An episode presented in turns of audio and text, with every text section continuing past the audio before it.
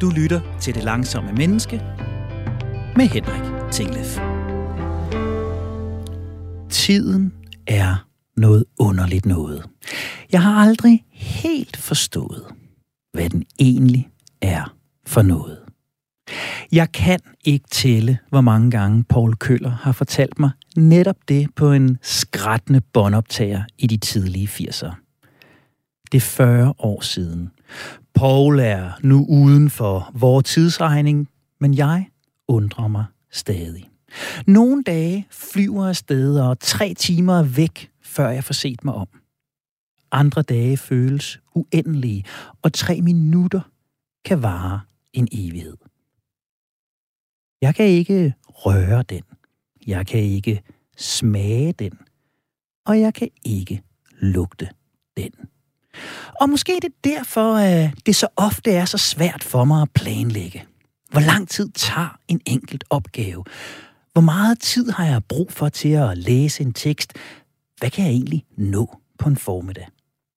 Og så er det, at den der struktur, den ryger. Den, som Anders Rostrup i forrige program lærte os, er så vigtig, ikke bare for work-life balance, men i virkeligheden for modern life balance. Jeg får blandet professionelle opgaver og private pligter. Jeg får afsat for meget tid og sløser resten væk. Jeg får afsat for lidt tid og stresser eller bekymrer mig. Det er bestemt ikke særlig rart. Det er på ingen måde effektivt. Det er ikke sådan, jeg ønsker, det skal være. Så her vil jeg normalt sige, det må jeg kunne gøre lidt bedre. Det må jeg kunne gøre lidt langsommere. Men i dag, mens jeg vifter med hørskjorten i Pauls minde, så vil jeg hellere sige, hvad er den for noget? Jeg ved det ikke. Men når programmet her slutter, ja, så er der gået 55 minutter. Jeg hedder Henrik Tinglef. Programmet her er det langsomme menneske. Programmet for alle os, der ønsker at sænke hastigheden og øge effektiviteten. Os, der ønsker mindre fart og mere kvalitet. Og vi bliver heldigvis flere og flere. Dagens emne er tid og effektivitet. Fornuftig brug af tid. Et realistisk forhold til tid. Hjælp til styring af tid.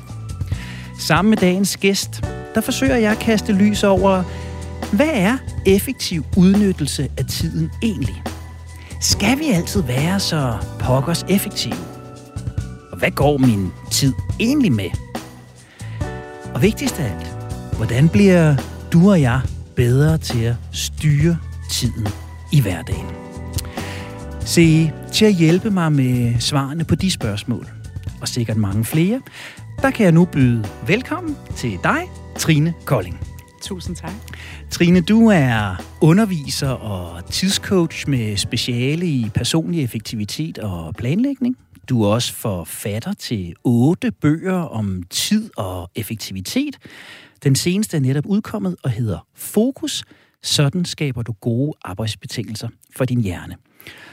Og Trine, jeg har jo en svaghed for at starte de her programmer med sådan det helt håndfaste, med definitionerne.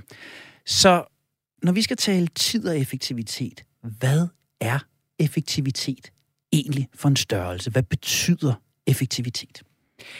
Det er et rigtig godt spørgsmål, og der er sikkert rigtig mange svar på det. Det er i hvert fald det, jeg oplever, når jeg underviser rundt omkring i, øh, i erhvervslivet. Vi har mange forskellige definitioner på det. Jeg definerer personlig effektivitet som at bruge tid på det rigtige, på den rigtige måde, og med en bæredygtig balance mellem tid og opgaver. For jeg synes, når vi taler effektivitet, man kan jo sige, at ordet effekt handler jo om at få ja, netop effekt ud af noget, få værdi ud af noget. Og hvad er, hvad er det så? For mange ligger der i ordet effektivitet noget med at løbe stærkt og nå endnu mere. For nogle er det også den der følelse af at kunne vinge af på sin to-do-liste og allerbedst at blive færdig. Og jeg skal da være helt ærlig, de 22 år, jeg har undervist i effektivitet, jeg skal da ikke kunne sige mig fri for selv også at have den der vidunderlige mavefølelse, når jeg går hjem og har nået alt det, jeg havde planlagt. Den kender jeg godt. Men jeg tror, at vi mere end nogensinde skal være meget opmærksomme på, hvordan vi definerer effektivitet. Fordi hvis, hvis der ligger sådan en grundfølelse af, at vi skal blive færdige og nå det hele, så er det faktisk rigtig vanskeligt nogensinde at have følelsen af at være effektiv, fordi vi bliver jo aldrig nogensinde færdige. Så hvis vi nu skal skære helt ud i pap, fordi mm. det du jo siger, det er, effektivitet er ikke bare at løbe stærkere. Det at være effektiv er ikke bare det modsatte af at være langsom. Effektiv er ikke bare at være hurtig. Så lad os skære den helt ind til benet. Mm. Hvad, hvordan, hvordan ved jeg, at jeg er effektiv? Altså, hvis vi tager fat i den, den definition, jeg nævnte før med, med at bruge tid på det rigtige, på den rigtige måde, så handler det jo helt grundlæggende om at finde ud af, hvad er det, det er vigtigt for mig at bruge tid på? Det kan jo både være arbejdsmæssigt og privat. Arbejdsmæssigt handler det selvfølgelig om, at det skal knytte an til de målsætninger, der er for det arbejde, vi udfører. Hvad er det, der bliver forventet af mig som leder eller medarbejder? Så, så når vi snakker effektivitet på job, handler det om at kunne øh, leve op til de målsætninger, der er, og på den måde bruge tid på det rigtige. Øhm, jeg, jeg skældner også ofte mellem ordet produktivitet og effektivitet, for det hænger nemlig godt sammen med det, du siger med at løbe stærkt. Fordi produktiv, det er jo noget med at nå en hel masse for produceret. Og jeg kan i princippet, når jeg sidder på arbejde, jeg kan deltage i en masse møder, jeg kan løbe stærkt, jeg kan svare på en masse mails, arbejde rigtig mange timer, og så har jeg været produktiv. Men hvis det, jeg så har brugt min tid på, ikke er noget, der reelt skaber værdi eller skaber effekt i mit job, ja, så har jeg været produktiv, men ikke særlig effektiv. Så, så i min verden kan man sagtens sagtens koble langsomlighed med effektivitet. Jeg vil næsten sige, at det er en forudsætning en gang imellem, fordi vi skal huske også at holde pauser og sætte tempoet ned. Så den der oplevelse, jeg nogle gange kan have, at jeg lægger hovedet på puden om aftenen, og jeg ved, jeg har været i gang fra klokken 6 i morges mm. til klokken 22.30. Jeg har ikke øh, stort set siddet stille, eller i hvert fald ikke siddet stille uden at, at lave noget. Der kan jeg i den grad sætte streg under, at jeg har været produktiv. Ja men jeg kan måske i virkeligheden sætte et stort spørgsmålstegn ved, om jeg har været effektiv. Ja, præcis. Og, og en, jeg synes, en vigtig pointe i den sammenhæng i forhold til travlheden er, at det er rigtig, rigtig nemt at blive suget ind i travlhed og miste overblikket, og på den måde også miste evnen til at vurdere, hvad er vigtigt og hvad er mindre vigtigt. Altså, så bliver vi ligesom, jeg kalder det en af mine bøger, der kalder det at være tidsstyrer, den der følelse af, at andre mennesker styres, eller opgaver styres, især hasteopgaver har sådan en tendens til at overrule alt. Lige så snart noget haster, så tænker vi, så må det være vigtigt, og så løber vi efter den bold. Men, men, men det, at noget haster, er jo ikke nødvendigvis det samme som, at det er vigtigt. Så man kan sige, det der det der for, forarbejde, den der langsomme indgangsvinkel til, hvad er det faktisk at få defineret, hvad er vigtigt for mig at bruge tid på. Det er jo det allervigtigste arbejde, inden du overhovedet går i gang med at producere eller med at være effektiv. Ja, ja og jeg tænker, der, lig, der ligger jo i det der en, en, en super vigtig øh, øh differentiering i det, som jeg jo tænker, at vi burde skrive på siden af busserne, fordi noget er hastende, mm. er det ikke nødvendigvis vigtigt. Altså, jeg har en oplevelse af, at i det moderne samfund, der bliver tit sat lighedstegn mellem de to ting. Fordi der er en Præcis. kort deadline, så bliver det automatisk vigtigt. Fordi nogen ja. kalder det en haster, ja. så bliver det automatisk øh, vigtigt. Men, men vi kan sætte et ulighedstegn mellem hastigt og vigtigt. Ja, altså selvfølgelig kan en opgave, der haster, også godt være vigtig. Det skal vi selvfølgelig også lige huske på. Men, men det er jo en af mine akillesæle, det her med hasteopgaver, for jeg synes jo, der er gået fuldstændig inflation i hastebegrebet. Jeg kommer jo ind imellem i organisationer. Jeg havde engang en advokat, der i ramme alvor forklarede mig, at de ikke havde ikke hastende opgaver i deres organisation. Der hed det haster, haster meget, haster pisse meget. Og det er jo, altså, jeg måtte jo simpelthen bide mig i kinderne for ikke at begynde at grine, ikke af ham, men bare, at det er helt paradoxalt, og i virkeligheden også enormt morsomt. I tænker, at vi skiller mellem haster og haster pisse meget, ikke? Men vi, altså, i, i det spændingsfelt, der tror jeg, at det går helt fløjten, den der vurdering af, var det så en vigtig opgave. Og så er det, at vi bliver taget af tingene og bliver styret af tingene. Og så er det, at man lægger hovedet på puden om aftenen og fuldstændig kørt over øh, hjernemæssigt og tænker, hold op, jeg kan ikke engang huske, hvad jeg lavede i dag. Jeg ved bare, at jeg har haft sindssygt travlt. Ikke? Ja. Og så er der jo en krog til, til plus 30 programmer i, i den her serie, som igen handler om vigtighed og værdi. Mm. Ikke? Der, der, der ligger også i dit svar, at det effektive omhandler det, der er vigtigt, ja. det jeg oplever noget værdi i, eller ja. det, som folk omkring mig, det fællesskab, jeg er en del af, er, er oplever en værdi i. Mm. Og har vi ikke har vi ikke tiden til at mærke efter, hvad der er vigtigt, så, så kan vi ikke blive effektive. Så bliver vi bare produktive. Er det rigtigt forstået? Ja, og, og, og man kan sige, at der er sådan flere elementer i det, fordi der, der er både det med faktisk at få kortlagt, både arbejdsmæssigt, men også i vores privatliv, hvor vi jo i mange henseender har frit valg på alle hylder. Det gør det jo faktisk også rigtig vanskeligt at bruge tid på det, på det vigtige, fordi der er så mange valgmuligheder. Men det der med at få kortlagt, hvad er det egentlig, der skaber værdi, jeg bruger tid på, og hvad er det, der giver mig værdi også, og hvad er det, der giver mig energi. Det gælder jo især i vores, i vores privatliv. Og så er det også noget med at få gjort tingene på den rigtige måde, fordi jeg kan jo i virkeligheden også godt sidde og løse på min arbejdsplads en, en opgave, der er vigtig, men nogle gange kan jeg få løst den på en måde, der gør det ineffektivt. Hvis jeg nu for eksempel, det er jo, det er jo sådan en klassiker, som jeg også har med i, i den nye bog omkring fokus, hvis der er rigtig mange afbrydelser, så kan, det tror jeg alle har prøvet, opgaver, der under normale omstændigheder, hvis du havde øh, uforstyrret tid, så kunne du måske løse den på en halv time, men hvis der er konstant telefoner og mails og alt muligt andet, så kan det jo straks over hele dagen sådan en opgave. Og det er jo, en, et, det er jo et eksempel på, hvor måden vi løser opgaven bliver ineffektiv på. Og så er der den sidste parameter, som vi ofte overser, når vi snakker tid, og det er sådan, i virkeligheden et stort frustrationsområde for mig, når jeg har arbejdet med tid så mange år. Det er, at vi helt overser, at der skal være balance mellem tid og opgaver. Det er som om, vi glemmer. Vi kan godt forstå, når vi snakker økonomi, hvis der ikke er flere penge i kassen eller minus på bundlinjen, så er der ikke flere ressourcer. Men det er som om, vi hele tiden tænker, hvis jeg nu bare effektiviserer og planlægger og strukturerer lidt mere, så kan jeg knive mere tid ud i hverdagen. Og der mangler vi ligesom på, på et eller andet plan at forstå, at der er også grænser for, hvor meget tid du kan hive ud. Nogle gange er der bare flere opgaver, end tiden tillader. Det kan man ikke effektivisere sig ud af. Men det er jo der, hvor mange de knækker halsen og bliver stresset på arbejde, eller går ned simpelthen, øh, bliver, bliver nedbrudte af det, fordi vi hele tiden tror, at det er nok bare mig, der ikke er effektiv nok. Ikke? Og det er vel dybest set ikke kun et arbejdsproblem. Altså det er vel i lige så høj grad et privat, privat problem, at vi kan, have, vi kan jo have samme forskroede opfattelser af, hvad vi kan nå på en weekend, eller hvilke ja. projekter vi kan sætte gang i, i i, i privatlivet, parallelt med, at vi ja. passer et arbejde, eller parallelt med, at vores børn dyrker sport, eller parallelt med, at vi er engageret i nogle andre ting.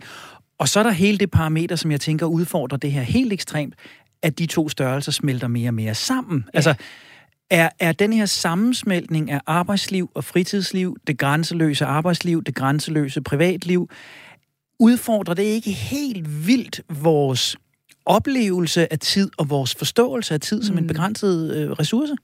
Absolut, og, og, og jeg synes nogle gange, vi mangler lidt nuancer i den debat omkring det fleksible og grænseløse arbejde. Den, den debat, der også handler om, at vi er forskellige. Jeg, jeg kender mennesker, der sagtens kan flekse ind og ud af. Så er de på arbejde, og så kommer der lidt privat, og så vender de tilbage til arbejde. Og så er der altså også masser af os, der synes, det er svært øh, og hele tiden skifte frem og tilbage, fordi det kræver jo rigtig mange kognitive kræfter hele tiden.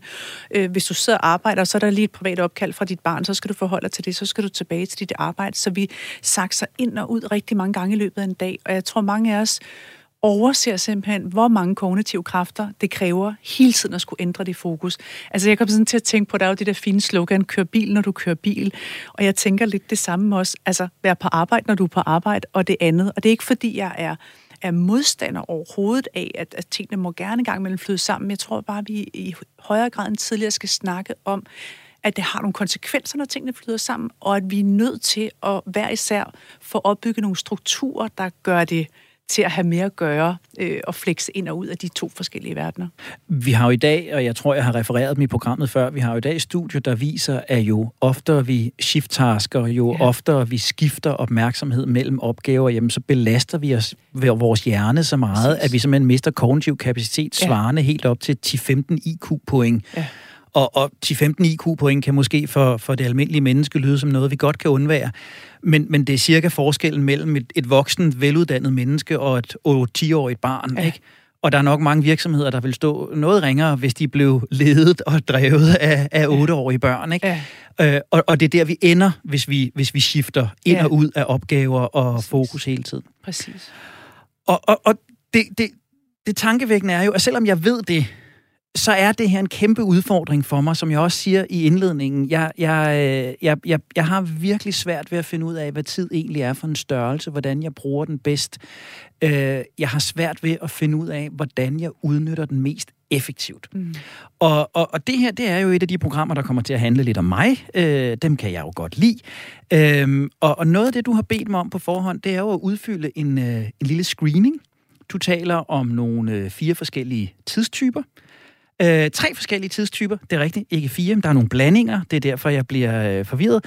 Øh, og jeg har jo lavet den, og du har ikke set den før. Jeg har lagt den over på din side af bordet, øh, inden du, øh, du kom ind i studiet her. Når du kigger på mig som tidstype, hvad ser du så i, øh, i din screening her? Det kan være, at jeg lige skal starte med at rise op så sådan de tre arketyper. Hmm? Fordi det her tidstypeunivers, som jeg udviklede for nogle år siden, deler folk op i, at vi enten kan være øh, tidsoptimister, det er dem, for hvem alting kun tager fem minutter. Vi når det nok, der er masser af tid. Tidsoptimister siger som regel ja til det hele, fordi de tænker, det kan vi sagtens klare. Kender jeg overhovedet ikke noget til. der er rigtig mange tidsoptimister. Og så er der tidsrealisterne, det er dem, der godt vil, vil vide, hvor lang tid tager tingene, hvor meget tid har vi til rådighed. De godt lide buffertid og tidsestimering og lister. Og så er der tidspessimisterne, det er dem, for hvem der aldrig er tid nok. Det er dem, vi finder ud i lufthavnen tre timer før, for at være sikre på, at de sidder i den rigtige gate. Jeg taler af personlig erfaring. Eller, eller ude i regiet, der sidder Britt Berglund og øh, Hun sidder og vinker er absolut i øh, den kategori. Det kan være hende og jeg skal rejse sammen, for jeg er også ude i lufthavnen tre timer før og vil være helt sikker. Bare I rejser langt væk, så er det helt fint. Præcis. Men, men det er jo sådan arketyperne, og så nævner du så flere typer, og det er fuldstændig rigtigt, fordi der findes også nogle varianter af det. De fleste af jer, altså, vi har alle sammen en præference. Jeg har for eksempel præference for tidsrealisme, og så har jeg et lille bitte ben over tidspessimistens lejr. Ej, hvor er du kedelig. Ja, jeg ved det godt. Men det er også det, der gør det spændende, at vi er modsætninger her i studiet.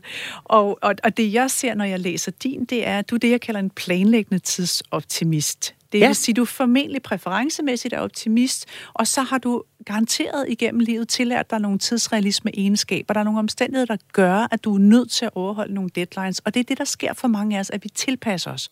Så man kan, altså det er jo ligesom så mange andre personlighedstest, hvor man snakker om præferencer, og så tilpasser vi os i forskellige situationer. Det kan være i forhold til vores arbejde, det kan være i forhold til de mennesker, vi er sammen med. Hvis jeg for eksempel er sammen med tidsoptimister, øh, jeg er gift med en af slagsen, og så sker der det, at jeg bliver utryg omkring planlægning, så når jeg er sammen med tidsoptimister, så bliver jeg faktisk mere tidspessimist, end jeg egentlig er natur. Så på den måde kan vi også påvirke hinanden. Så, så når, jeg, når jeg kigger på din profil, som jo er sådan nogenlunde ligeligt fordelt mellem tidsoptimist og tidsrealist, øh, så tænker jeg, at øh, du sikkert i dagligdagen oplever nogle udfordringer med at få tiden til at slå til, fordi du ofte tænker, det, det kan vi sagtens nå. Det er jo bare et spørgsmål om planlægning, og så kommer det lidt bag på dig en gang imellem, at ting tager længere tid, end de tager. Men i virkeligheden har du gode kort på hånden, for du har et ben i begge lejre. Og det er godt, for det vidner om en vis fleksibilitet. Jeg plejer at beskrive det sådan, at tidstyperne er ligesom nogle, nogle måder at forholde sig til tid på, som man kan skrue op og ned for.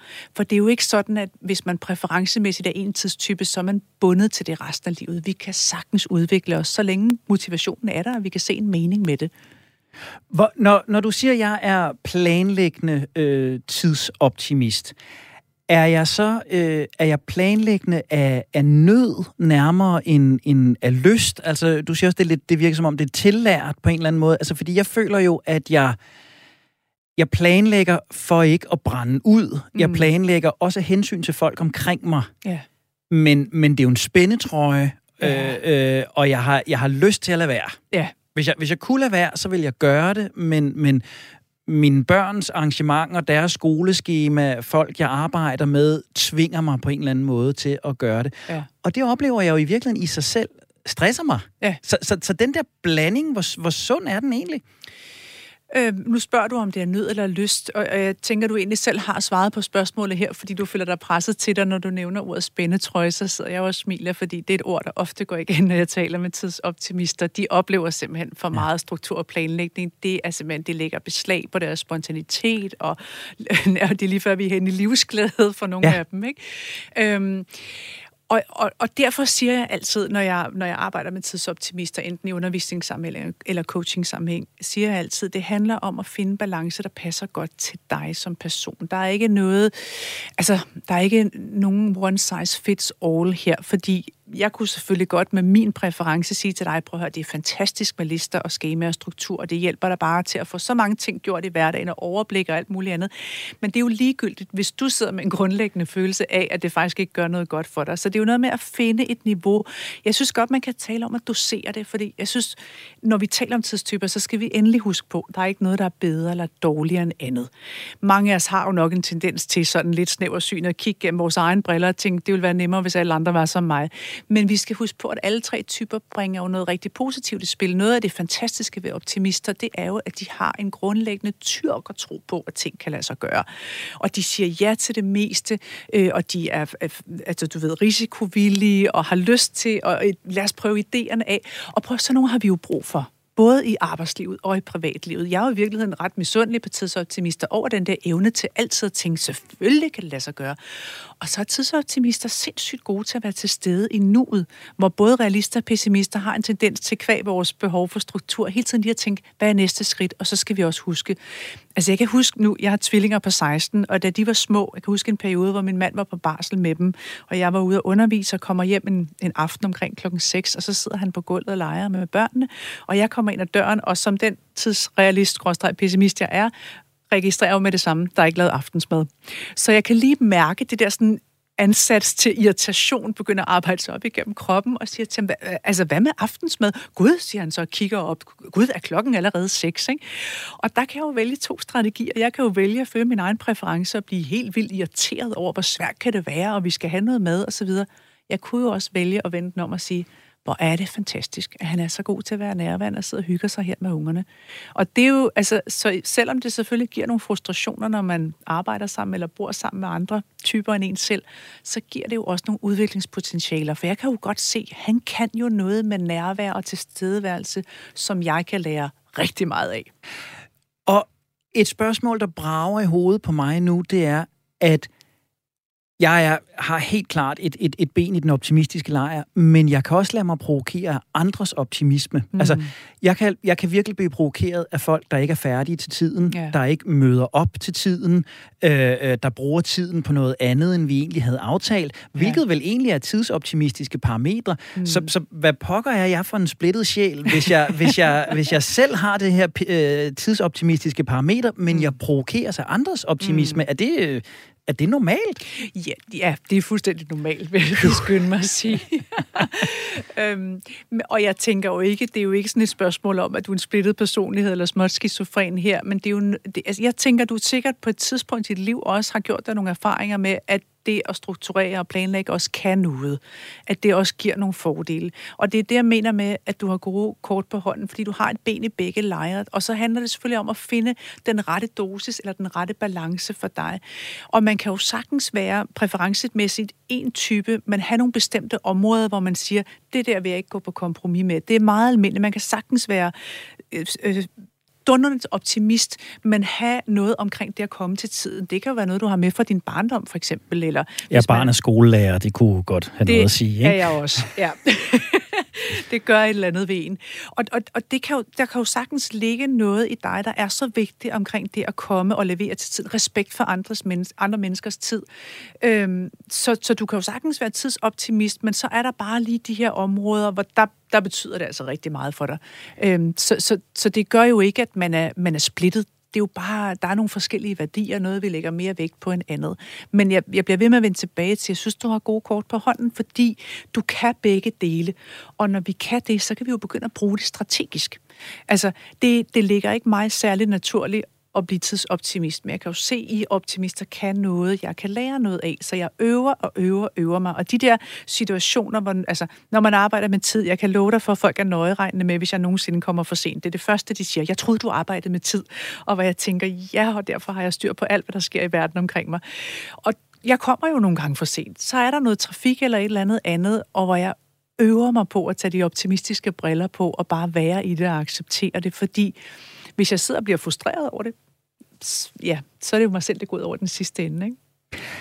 Så det vi har lært, det vi har adresseret indtil nu, er altså, at der er høj grad af forskel på effektivitet og produktivitet. Produktiviteten kan meget hurtigt blive den hovedløse, hastige gerning, der hvor det bare handler om at få noget fra hånden for at få det fra hånden. Effektiviteten er den, der handler om at beskæftige sig grundigt og dybt med det, der har betydning, bruge tiden på det rigtige. Vi har fået kortlagt, at øh, jeg er øh, ikke overraskende øh, tidsoptimist, men heldigvis med et lille ben over i den realistiske lejr og med muligheden for at gøre noget ved det. Du har ørerne i Radio 4. Programmet, du bruger din tid på denne søndag, er det Langsomme Menneske. Mit navn er Henrik Tinglef, og sammen med underviser, forfatter og tidscoach Trine Kolding, der er jeg ved at blive klogere på, hvad effektiv udnyttelse af tid egentlig er for en størrelse. Og Trine, vi har lige slået fast, at øh, jeg er realistisk, planlæggende optimist. uh, vi har også slået fast, at uh, jeg i den grad er udfordret på at udnytte min tid effektivt. Jeg har i hvert fald helt klart selv oplevelsen af, at jeg nogle gange nærmere er produktiv end effektiv. Og for at give mig og de lyttere, der måtte have det, som mig, lidt øh, at arbejde med, lidt, lidt udvikling på det her parameter, så har jeg foretaget noget tidsregistrering til dig. Og øh, du fik det forleden dag, så du har lige frem haft mulighed for at gå i øh, dybden med det. Så øh, nu kommer den del af programmet, jeg altid er nervøs for, hvor jeg ikke aner, hvad der skal ske, andet end at nu læner jeg mig tilbage og øh, er sådan set bare nysgerrig på, hvad ser du, når du kigger i min tidsregistrering? Jeg ser øh, et ret typisk og normalt billede, vil jeg yes. skynde mig at sige. Ja, lad os lige få det på plads først. Så kan du sænke skuldrene og trække vejret helt ned i maven. Øh, og jeg tænker, din, altså, det, du har gjort her, du har fået nogle skemaer, hvor jeg bedt dig om i tre dage at registrere, hvor du skulle starte med at lave en slags to-do-liste, hvor du skulle skrive ned, hvad har jeg planlagt at lave i dag i løbet af, af morgen formiddag, midt på dagen og eftermiddagen. Og så har jeg også bedt dig om at lave en, øh, en, en slags done-liste, altså simpelthen så at notere i løbet af dagen, hvad endte du så rent faktisk med at bruge tid på. Yes. Fordi det er jo lige det spændingsfelt mellem, hvad planlægger jeg, og hvad ender jeg med, at det begynder at blive rigtig spændende. Fordi her kan vi dykke ned i, hvor er det så, så udviklingsmulighederne, justeringsmulighederne ligger. Og, og øhm, og det er jo helt efter bogen i forhold til det, din tidstype profil viser. Du er en optimist, men du har også en snærte realisme, og derfor har du hver eneste dag været inde og taget aktiv stilling til, der er noget med at få, få redigeret kapitel, du er gang med at skrive en bog, og der er mhm. noget med citat og kildetjek osv. Så, videre. så, så jeg tænker umiddelbart sådan en, en fin, velstruktureret, velplanlagt dag. Så er det selvfølgelig spændende at kigge over under, hvad ender du så faktisk med at bruge tid på? Og lad os starte med den gode nyhed. Altså, du får jo gjort en del af de ting, du har sat dig for. Øh, og så får du også lavet alt muligt andet. Ja, det er jo det. Øhm, og det er jo så der, hvor jeg lige vil vende tilbage til. Og det er helt normalt. Fordi det, der kendetegner stort set alle i dag på en arbejdsplads, uanset om vi er ledere eller medarbejdere, uanset hvad vi laver, så er det, at graden af uforudsigelighed er stærkt stigende. Altså, det er jo sådan en udvikling, jeg har kunne se de 22 år, jeg har beskæftiget mig med det her felt, at, at vores, den måde, vi skal planlægge på, har ændret sig markant. Hvor, altså jeg kan simpelthen ikke komme i tanke om det eneste job i dag, hvor du kan planlægge din dag fra A til Z, og så er det det, der kommer til at ske. Altså nogle jobs, der kan du nærmest ikke planlægge. Men, men det betyder jo i hvert fald, at vi i stigende grad skal være opmærksomme på den der uforudsigelighedsgrad, og der kommer en masse ad hoc og hasteopgaver, forstyrrelser osv. Og vi skal jo også være tilgængelige i en grad i dag, som vi ikke har skulle tidligere. Og det glemmer mange af os, og jeg vil skynde mig at sige også tidsrealister. Altså, ja. det er i virkeligheden ret sjældent, der er 100% overensstemmelse mellem det, vi har planlagt at gøre, og det, vi ender med. Der er nogle forskellige studier, der antyder, at cirka 40% af en normal arbejdsdag går med det, vi kalder ikke planlagte opgaver. Det er altså ja. alt fra uforudsete ad hoc, haste, øh, altså brændslukning, det er afbrydelser, det er vores egne, hvis vi nu kunne finde på at lave overspringshandlinger og, og så videre. Så alt det der, som man ikke sidder og planlægger for morgenstunden, men som jo kommer til at ske i løbet af dagen. Så det betyder i virkeligheden, at jeg skal altså hvis jeg skal blive mere realistisk mm. i min planlægning, skal jeg planlægge 40 procents sluff. Ja, som udgangspunkt. Det, der selvfølgelig også spiller en rolle her, det er, hvordan er setup'et, altså hvordan er dine arbejdsbetingelser. Fordi hvis du nu sidder i storrumskontor for eksempel, ja, så skal du i hvert fald regne med omkring 40 procent. Hvis du er leder, og dit job er at være tilgængelig for dine medarbejdere, endnu højere procentsats måske. Men jeg antager, når du sidder i gang med at, at skrive en bog, så har du sikkert også nogle momenter ind imellem, hvor du kan trække stikket og sidde og være koncentreret og fokuseret. Og det betyder selvfølgelig noget, om du skaber nogle omstændigheder omkring dig, der fjerner nogle af afbrydelserne. Om du vælger at sige, i dag er jeg simpelthen ikke kontaktbar, for så vil der selvfølgelig være en meget, meget mindre mængde af uforudsete opgaver. Så vi har selvfølgelig også indflydelse. Det synes jeg er vigtigt også at understrege her. Øh, og det kommer jo rigtig meget ind på, hvad det er for nogle opgaver, vi skal løse. Hvad er det så for nogle arbejdsbetingelser, vi skal skabe omkring os. Men som udgangspunkt altid godt at huske på, der sker uplanlagte ting. Ja. Og så er der nogle andre ting også, sådan, altså, og, og jeg vil sige, de, de, det vi snakker, de justeringsmål, vi snakker om her, dem kan man bruge, uanset om man som du er en planlæggende tidsoptimist, om man er pessimist, om man er optimist. Det, det er noget, der er universelt, og så kan, det, så kan det forekomme i større eller mindre grad. Men generelt ser jeg også mange realister glemme, at ting tager tid, og mennesker tager tid. For de ja. fleste, for det første er det, er det ikke særlig almindeligt at tidsestimere. Det de fleste af os gør, det er, at vi laver en lang liste over alt det, vi gerne vil nå i dag. Men vi forholder os faktisk ikke til, hvor lang tid det tager. Øhm, og, og der har vi analogien, som vi snakker om før, over til økonomien også. Hvis vi skulle lave budget, der vil vi jo også kigge på, hvor meget tror vi, det her kommer til at koste. Så første gode råd kunne være i en periode at øve sig i at tidsestimere. Simpelthen prøve at sætte tid på, hvor lang tid tager det her. Ja. Det er jeg, det, det er jeg virkelig ringe til. Ja. Altså, det er jeg. Og jeg tænker, på den måde var din øvelse, øh, altså, den var meget, som jeg tænker dagen. Altså, når, ja. hvad, hvad, hvad kan jeg på en formiddag? Hvad skal jeg nå cirka midt på dagen? Hvad, ja. hvad skal jeg sidst på dagen? Øh, og, og så fylder jeg blokke, ja. men jeg forholder mig ikke til, øh, øh, jamen, når jeg nu skal lave denne her specifikke opgave, tager den så en time eller halvanden? Nej. Jeg tænker bare, det vil være rart at få de der tre ting klaret i løbet ja. af formiddagen, og, ja. og så laver jeg lige det der hen over frokost, og så forklarer de to ting i eftermiddag. Ja. Det er sådan, jeg tænker det. Ja. Og der skal jeg træde et halvt skridt tilbage og sige, er det to timer? Er det halvanden time? Er det, er det fire timer? Det vil jeg varmt anbefale. Ja. Og, og det, det, du beskriver her, at det de fleste af os gør.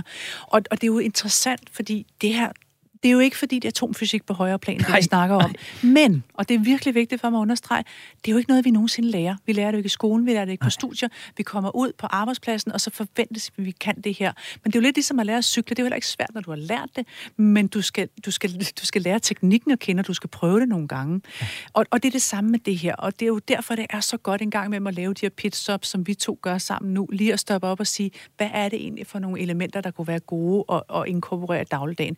Og tids tidsestimering er det første skridt. Og så siger du noget virkelig centralt her. Du siger, det er virkelig ringe til. Og det siger de fleste mennesker. Og, og mit, min erfaring er, nej, du er garanteret ikke særlig ringe til det. Du har bare ikke erfaring med det. Og det, det er for mig to forskellige ting, fordi de færre, med mindre du sidder i en organisation, hvor du skal tidsregistrere i forhold til fakturering eller andet, så er de færreste af os vant til at tidsestimere. Så det er mere et spørgsmål om, at vi bare ikke plejer at gøre det. Og det er jo den gode nyhed, det er, du kan ret hurtigt blive ret skrab til at tidssystemere.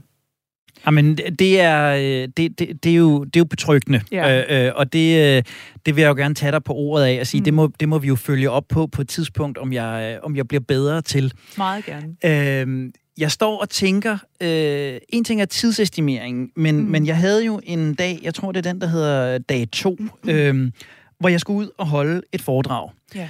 Og den er meget klassisk på den måde, at øh, der handler det ikke så meget om min tidsestimering, som min belastningsestimering. Yeah. Øh, øh, Britta og jeg sad og talte om det øh, her, inden du skulle komme i dag, at nu har jeg holdt foredrag i 10 år eller, eller mere. Jeg har holdt tusindvis af foredrag. Mm. Og jeg bliver ved med at lave den fejl, jeg laver den dag her. At ja. jeg tænker, når jeg er færdig kl. 14, ja.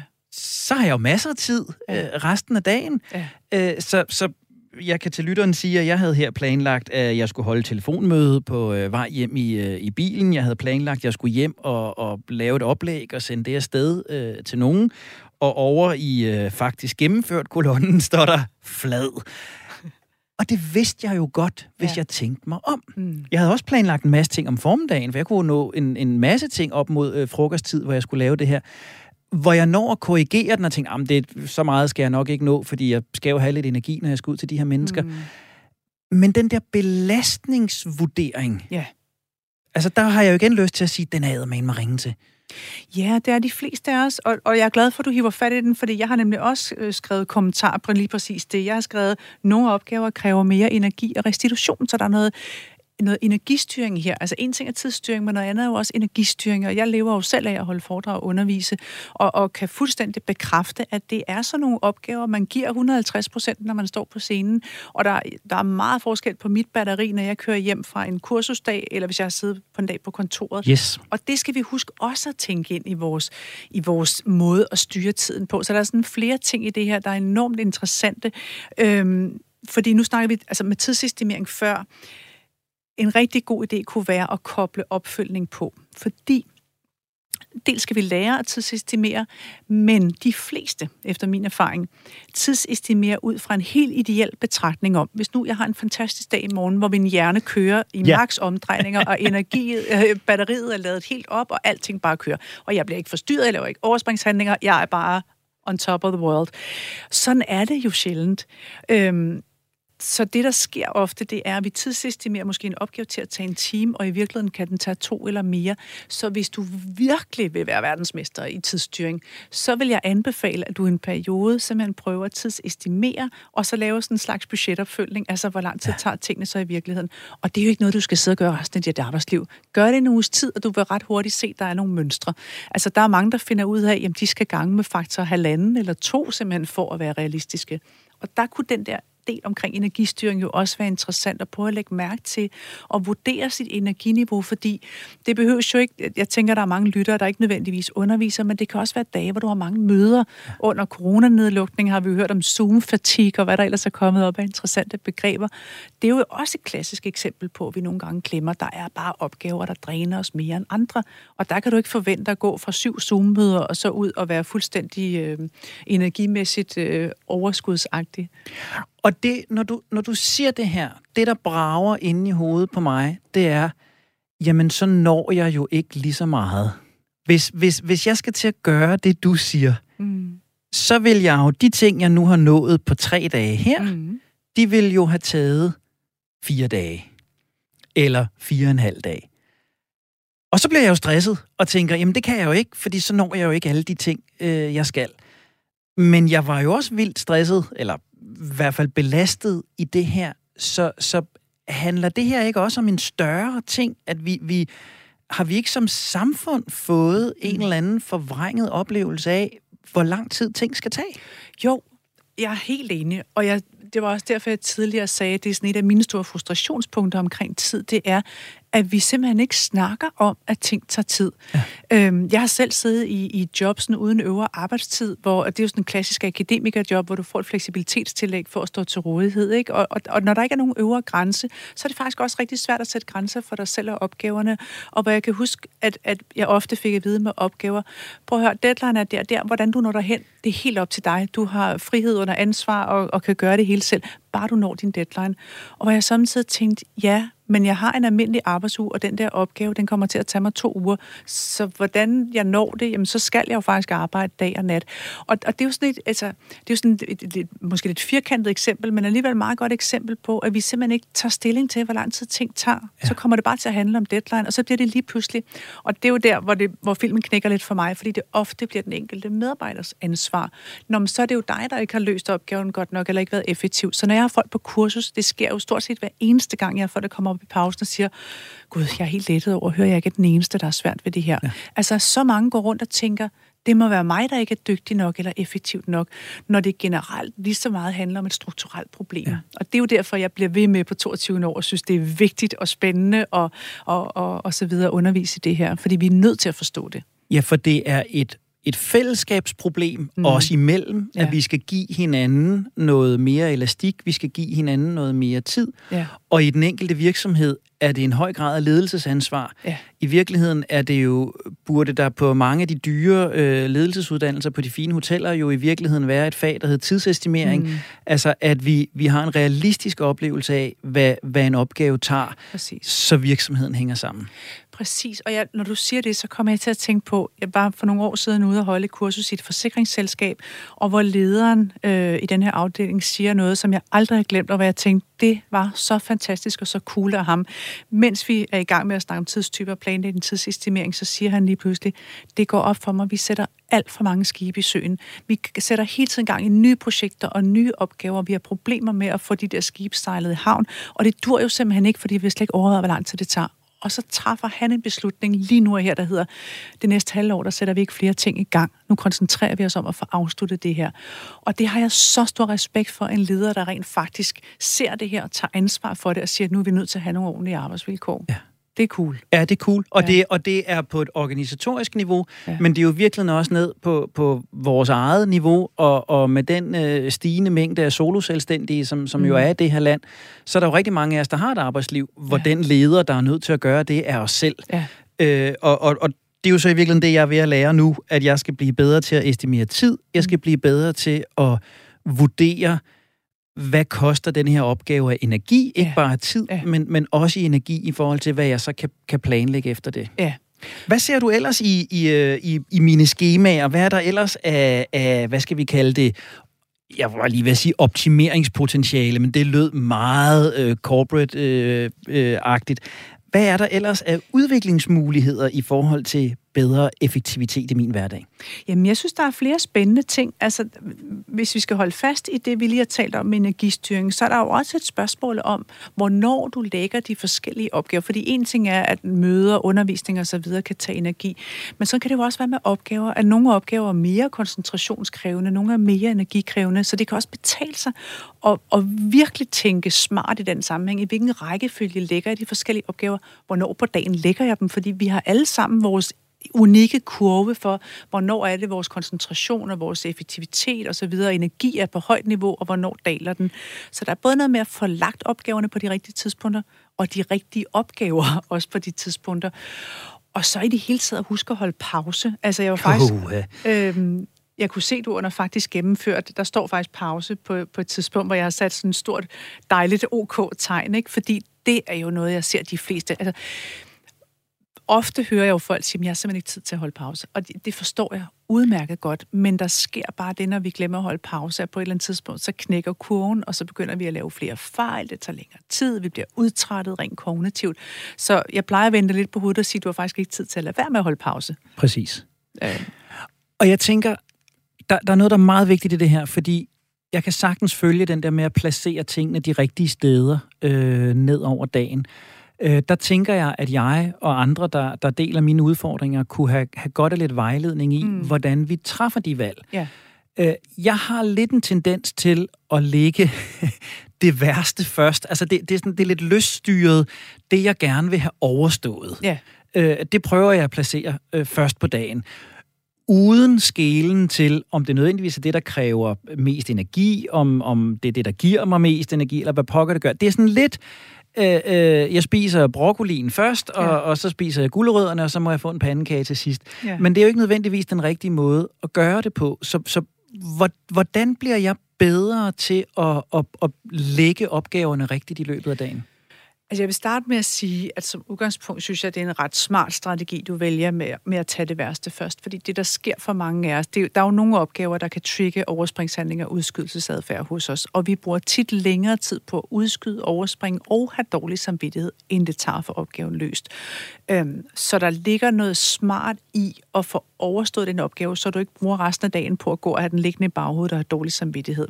Så hvis det fungerer for dig, så skal du endelig holde fast. Og, og det er her, hvor det bliver vigtigt også at huske på, at vi er unikke. Altså, vi er forskellige, og vi har forskellige energikurver. Så et, det første sted at starte kunne være i løbet af et par dage at prøve at holde øje med, hvornår kan du mærke, at du har meget energi, og hvornår kan du mærke, at den daler. Det er jo faktisk noget af det, jeg har skrevet om i den nye bog, øh, at, at tidligere talte man om, at vi var A-mennesker og B-mennesker, men der er simpelthen nogle forskere, der i dag mener, at vi er helt op til seks forskellige, man kalder det kronotyper i, i videnskaben. Vi er helt, helt op til seks forskellige kronotyper, og det viser jo bare mangfoldigheden i det her. At du kan have, have meget forskellige kurver fra andre mennesker, så det handler om at få identificeret din egen kurve, hvornår ligger, hvornår piker dit energiniveau, og hvornår falder det.